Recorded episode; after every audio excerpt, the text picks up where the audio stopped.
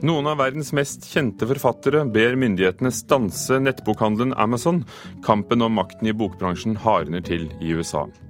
Protester mot Sveriges Televisjon etter at kanalen har klippet bort eh, når Pippi Langstrømpe sier at faren er negerkonge. Vi anmelder ny låt fra USA-suksess Nico Vince. Og det er en lesefest, sier vår anmelder om samtaleboken om forfatter Kjell Askildsens liv. Dette er saker i Kulturnytt i Nyhetsmorgen i NRK. Flere av verdens mest kjente forfattere samler seg nå i protest mot netthandelen Amazon. Philip Roth, Salman Rushdie og Paul Auster er blant flere hundre forfattere som krever at det amerikanske justisdepartementet etterforsker verdens største bokselger for å misbruke sin markedsmakt. Striden handler om kampen mellom Amazon og forlagshuset Hachette om hvor mye e-bøker skal koste. Now, I'm not just mad at Amazon, I am mad prime. Because I just found out that they are deterring customers from buying books by Stephen Colbert. Komiker Stephen Colbert er bare én av deltakerne i det store forfatteropprøret som nå brer seg her i USA. Colbert utgir bøker på ett av forlagene til Hachette-gruppen. Og er en av mange forfattere som har opplevd at det er blitt stadig vanskeligere å få solgt disse bøkene på Amazon. There are 2,500 authors whose books are being sanctioned, and they are in a panic. Vi er 2500 forfattere som blir straffet av Amazon, og vi er i ferd med å få panikk, sier krimforfatter Douglas Preston til National Public Radio. Han leder oppropet Authors United, som nå klager verdens overlegent største bokselger innenfor Justisdepartementet her i USA.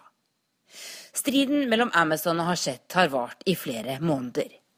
Amazon krever at den store forlagsgruppen selger e-bøkene til sine forfattere for 60 kroner, slik de fleste andre forlag gjør. Men Hachette nekter å gi etter for Amazons prispress. Amazon har derfor innført straffetiltak mot forfatterne til forlaget. Bøkene til bl.a. JK Rowling kan ikke lenger forhåndsbestilles. Og bestiller du dem likevel fra ellers så lynkjappe Amazon, ja, så kan leveringstiden fort bli tre uker. Dette er sabotasje fra Amazons side, mener mange forfattere, også fra andre forlag, som nå slutter seg til oppropet Authors United. I would define Amazon by our big ideas, which are customer centricity, putting the customer at the center of everything we do. Dette er Amazons sjef og gründer Jeff Bezos i et intervju med CBS-programmet 60 Minutes i fjor. Han har ikke kommentert striden med Hachette. Men eksperter her sier de vet hva han tenker. Noe slikt som dette. Complain, Amazon is not happening to bookselling. The future is happening to bookselling. Slutt å klage, dette er framtida. I will be really surprised if, if Jeff backs down on this. Jeg tror ikke Jeff Bezos kommer til å gi seg i denne saken, sier analytiker Tim Baham i Creative Strategies til National Public Radio. Jeff Bezos er nemlig ikke bekymret for om han selger bøker så billig at han tjener lite i dag. Han tenker langt fram, og slik har han allerede revolusjonert salget av både bøker og mange andre ting her i USA. Og blitt absolutt søkkrik sa USA-korrespondent Tove Bjørgaas. Agnes Moxnes, kulturkommentator her i NRK. Hvem kjemper mot hvem? Det vi ser her, er jo konturene av rett og slett en global kulturkrig, der hærførerne nå eh, eh, viser seg frem i form av noen av verdens mest berømte forfattere. Og Det er altså en, da en kamp som tok til etter at det franske forlaget Hachette nektet å bøye seg for kravene mektige Amazon eh, stilte. Og så samlet forfatterne seg da i dette slagkraftige forfatterlaget som de kaller Authors United. Og hvordan har Amazon brukt makten sin? Altså, Da Hachette sa nei til å selge bøkene sine til, eh, for Amazon-priser, altså 60 kroner for en ny bok, som jo er eh, latterlig billig for, mye, for mindre markeder enn det engelske markedet, så, og, og, dessuten så ville også Amazon ha omtrent halvparten av, det, av omsetningen av, av, disse bøkene, så svarte altså mektige Amazon med å boikotte eller sabotere salget av Hachette bøker. Og dermed så ble, Hachette rett og slett et symbol for denne kampen da mot Amazon. Og, og det er den vi nå ser, da. Amazon har jo også strøket kritiske forfattere fra invitasjonslisten til sin berømte eksklusive høstviken, hvor folk flys i privatfly og, og har mye makt. Men nå ber altså forfattere myndighetene om å gripe inn. Kan de det? Altså Det er jo det de prøver på nå i USA. Og det de har gjort, er jo at de har sikret seg de beste antitrust-lovgiverne og advokatene i USA i denne kampen. Eh, det pågår en lignende kamp andre steder, bl.a. i Europa. Frankrike har innført en anti-Amazon-lov, som de kaller den, som handler om hvor, hvor mye man kan eh, gi i rabatt på distribusjonen av bøker. Både Tyskland og Den europeiske bokfederasjonen jobber for å bevise at Amazon eh, bryter konkurranselovene, mens da EU nå går eh, tett innpå for å eh, undersøke om selskapet unndrar seg beskatning på ulikt vis gjennom steder de opererer fra.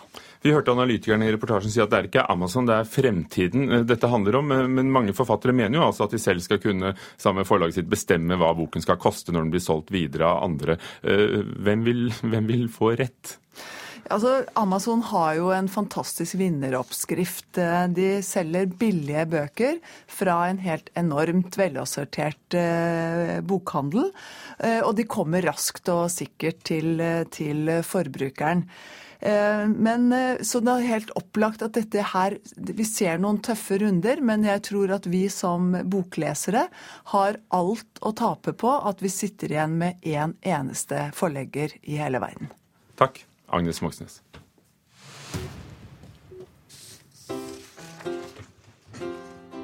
I går møtte Nico Vince, som har gjort suksess i USA, norsk presse for første gang på lenge, og så slapp de en ny låt fra albumet som kommer i neste uke i Norge.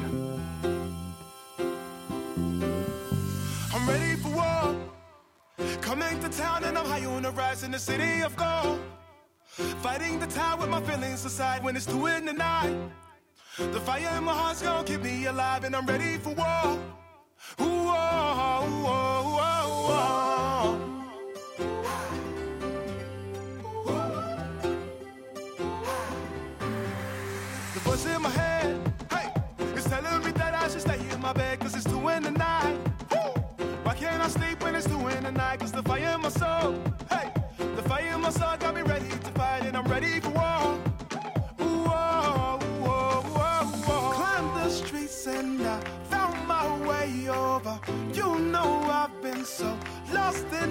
In translation, like I'm fighting for truce in Babylon, trying to find my peace in the zone of war. Even when the day comes, yeah. even when the day comes, even when the day comes. When the Day Comes, musikkanmelder i NRK P3, Marius Asp, hva syns du? Jeg liker den veldig godt. det. Eh, den, den vokser. Den er, den er, kanskje ikke like aggressivt fengende som Am I Wrong, men eh, den, det er varmt og trygt og hypermelodiøst. Eh, I begynnelsen så høres det nesten ut som Tom Pettys Free Falling speeda opp litt, men det er et enda tydeligere afropreg enn tidligere, både rytmisk og melodisk. Blant annet en veldig fin gitar her som kunne vært henta ut av en poplåt fra Ghana sin popgullalder. Varmt og tykt, sier du. Låten er skrevet av Vincent Deri og Nikos Reba selv, altså Nico Vince, sammen med Jørgen Osman Jakkesson Sove og William Wiik Larsen. Ehm, hvor mye handler det om låten, og hvor mye handler det om produksjonen? Det handler mye om, om, produksjon, og selvfølgelig også eh, en del om låt. Men hva som er hva, blir jo stadig vanskeligere å på en måte skille i, i moderne poplåter. Men det er klart, eh, Nico og Vince eh, er jo veldig tydelige på at de samarbeider på det nåværende stadium med norske produsenter. Og det vil jo da prege hele skiva deres. Så det er klart eh, ja, det, det, lover jo veldig godt. Vi har hørt mye om dem, men hittil i USA så har de også hatt én låt på listen, nemlig Am I Wrong, og i forrige uke kom det en til. Men albumet som kommer i neste uke, Black Star Elephant, hva, hva forventer du av det etter å ha hørt denne sangen? Jeg forventer jo at det, det, på en måte det, det, de har vist at de fikser, er jo eh, den, den lystige, afroinfluerte popen. Og så spørs det jo da om de har noen, eh, noen S i ermet, noe mer på lager. De, har jo, de kommer jo fra et utgangspunkt med urban musikk, altså med mer hiphop og R&B-uttrykket. Og det er jo spennende å se om de, de får inn det i, på plata, for det er jo en mye større sjanger i USA for eksempel, enn det er her. De lå altså på 17.-plass på Billboard-listen nå i USA. og de, de, har ligget der i 23 uker. De har vært høyt oppe i Storbritannia på iTunes-listen. Og nå kommer en sang som vi har hørt i Norge ganske lenge, faktisk. Den blir slippes i USA og er allerede blitt spilt av radioer. Det er In Your Arms.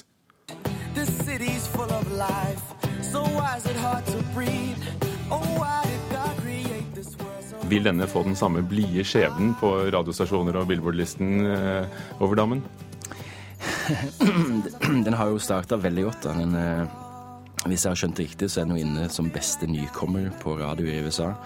Som jo er en, en stor greie. Den, og den flyter jo på det momentumet som de har bygd opp med Am I Wrong?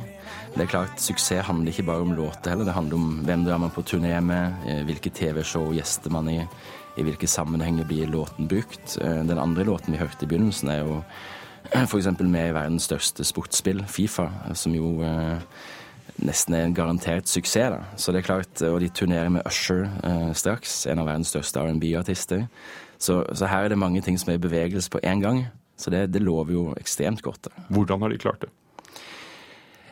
Det handler nok eh, mye om, eh, om, flaks, selvfølgelig, men det handler også om, eh, om målretta arbeid og innstilling. Det virker som de har veldig mye av den amerikanske vinnerviljen på plass allerede. The killer instinct. Men så har de nok også noe av den norske ydmykheten, tror jeg. At ikke de tar noe for gitt. Kan de bety noe for andre norske musikere? Ja, de kan det. Og, og, det er klart, sånn som de produsentene de har med på, på plata, William Wiik Larsen og Thomas Eriksen er jo eh, De får et, garantert et løft av dette. Sirkus Eliassen har også skrevet en låt. Så dette kan bety noe for ganske mange norske artister og produsenter. Takk, Marius Asp, musikkanmelder i NRK P3. Og Black Star Elephant-albumet deres kommer altså 6.10 i Norge. Og så tar jeg med at eh, en annen popstjerne, nemlig Lady Gaga, eh, har vært eh, i Norge. Og hun har gjort et krampaktig forsøk på å holde liv i karrieren, og feiler brutalt. Det er overskriften fra NRKs anmelder etter konserten til den amerikanske artisten på Telenor Arena i Bærum i går. Det var glistenbånd publikum. Hun sang falsk allerede på andre låt, skriver Trine Åndal i sin anmeldelse, som vi kan lese i sin helhet på nettsidene nrk.no.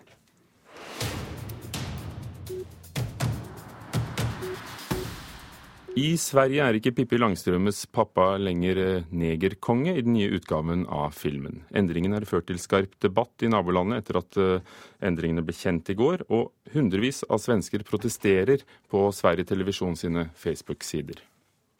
Og min pappa, han er kong og heter Efraim Langstrøm.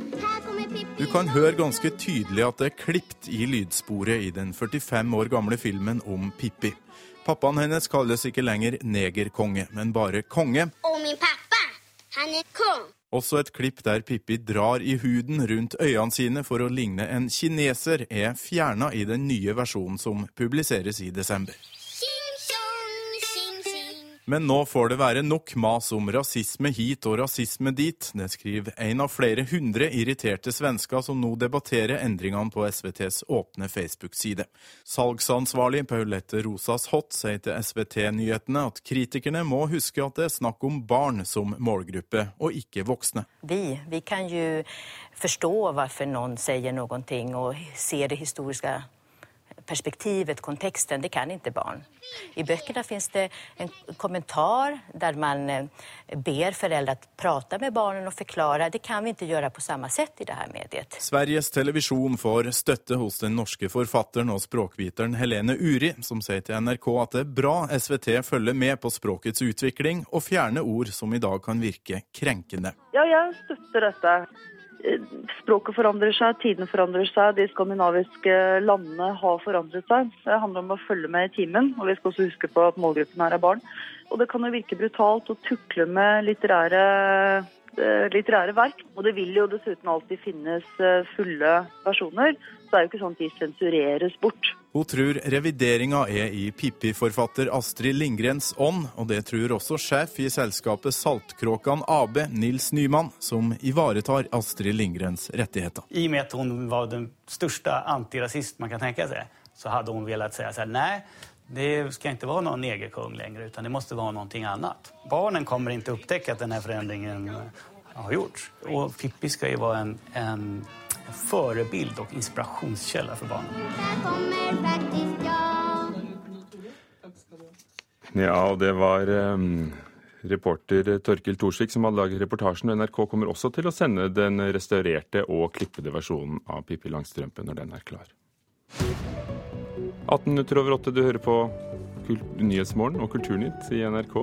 Overskriften i dag færre utviste kriminelle kommer tilbake til Norge etter at straffen ble kraftig skjerpet. Posten fjerner nei til reklameklistremerker fra postkassene når folk flytter. Mange velgere kommer til å vende partiene som sier ja til et Oslo-OL ryggen, mener samfunnsforskere.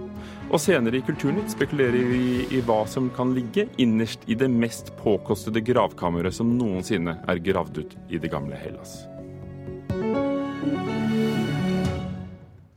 Novellemesteren Kjell Askildsen fyller 85 år i dag, og det blir feiret med en over 300 siders samtale med forfatter Alf Ander Hagen i bokform med tittelen 'Kjell Askildsen et liv'. Og sakprosaanmelder i NRK Arnhild Skre, hva slags bok er det blitt? Dette er som du sier et langt intervju som går over 350 sider, og det høres jo ut som det kan bli ganske kjedelig, men det er rett og slett en skikkelig lesefest.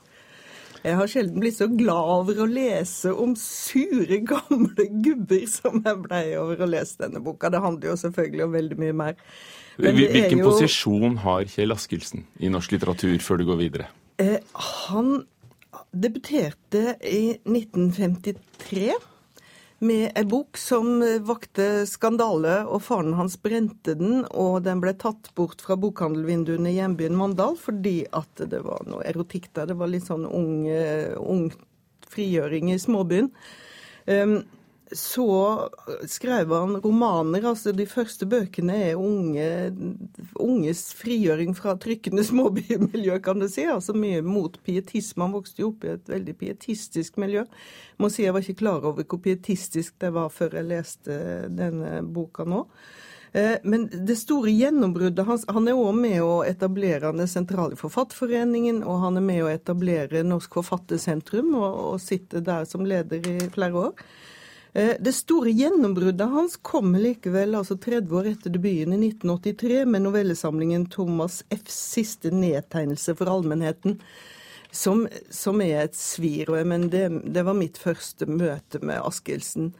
Eh, det er sånne sure Da begynner de der sure, gamle gubbene. Og det som er morsomt når jeg leser denne boka 'Kjell Askildsen et liv', som altså da er intervjua og ført til tastaturet av Alf van der Hagen, er at det er denne samme stemma som du møter i, der, i boka som du møter i novellene. Og noe av det de diskuterer veldig mye, er jo forhold mellom liv og litteratur. Askildsen sier selv at han eh, omtrent mangler hukommelse. Er det noe du kan tro på etter å ha lest dette? Nei. Det tror jeg absolutt er en elastisk sannhet, tror jeg jeg vil kalle det. Men altså, han får jo da god hjelp. Eh, Alf van Hagen må ha gjort et voldsomt researcharbeid, og det samme har Gina Gjertsen, altså kona til, til Askildsen, ved å gå gjennom Mannen er jo nå sjøl nesten blind. Eh, og de graver opp eh, ting. Og blant annet så vil jo Askildsen-lesere eh, og litteraturviterne glede seg over at i denne boka så publiseres det faktisk flere tidligere upubliserte noveller. Akkurat. Hva er det da som gir denne lesefryden og lesefesten? Det er kanskje nettopp dem? Ja, de er det. Og så er det denne samtalen som borer seg lenger og lenger ned. Og jeg, tenker, jeg tenkte vel mens jeg la så tenkte jeg at har vi så mye tid til så lange samtaler nå? Altså, De gir seg tid, og hva er det som gjør at Alfander Hagen klarer å få denne kontakten som gjør at han får fram, og, og får fram nye måter å lese Askildsen på? Og jeg tror det er dette at de tar seg tid, og så har det gått litt rødvin, står det i etterordet. Det hjelper jo kanskje Er det ingenting å sette fingeren på? Sjelden hørt deg så begeistret. Ja, jeg tror det er sjelden at, at jeg òg sjøl har hørt meg så begeistra. Men, men, eh, du kan si det er et par ting. Jeg syns kanskje noen ganger at det kunne vært litt mer distanse. Jeg, jeg liker vel ikke så godt når, når folk er på Kjell med folk. Jeg syns Askildsen er en grei. Um, så blir kanskje Gina Gjertsen litt um, vel kort eh, presentert, men, men ellers, nei, dette, dette, tror jeg folk bare kan glede seg til. Det er kanskje en bok som er mest for de som har lest Askildsen fra før. Takk skal du ha, Arnhild Skræ, om Kjell Askildsen Et liv, ført i pennen av Alf van der Hagen. Den kinesiske kunstneren Ai Weiwei får ikke besøke sin egen kunstutstilling i Alcatraz-fengselet utenfor San Francisco i California, USA. Utstillinger viser bl.a. 176 portretter av politiske fanger og flyktninger bygget i Lego.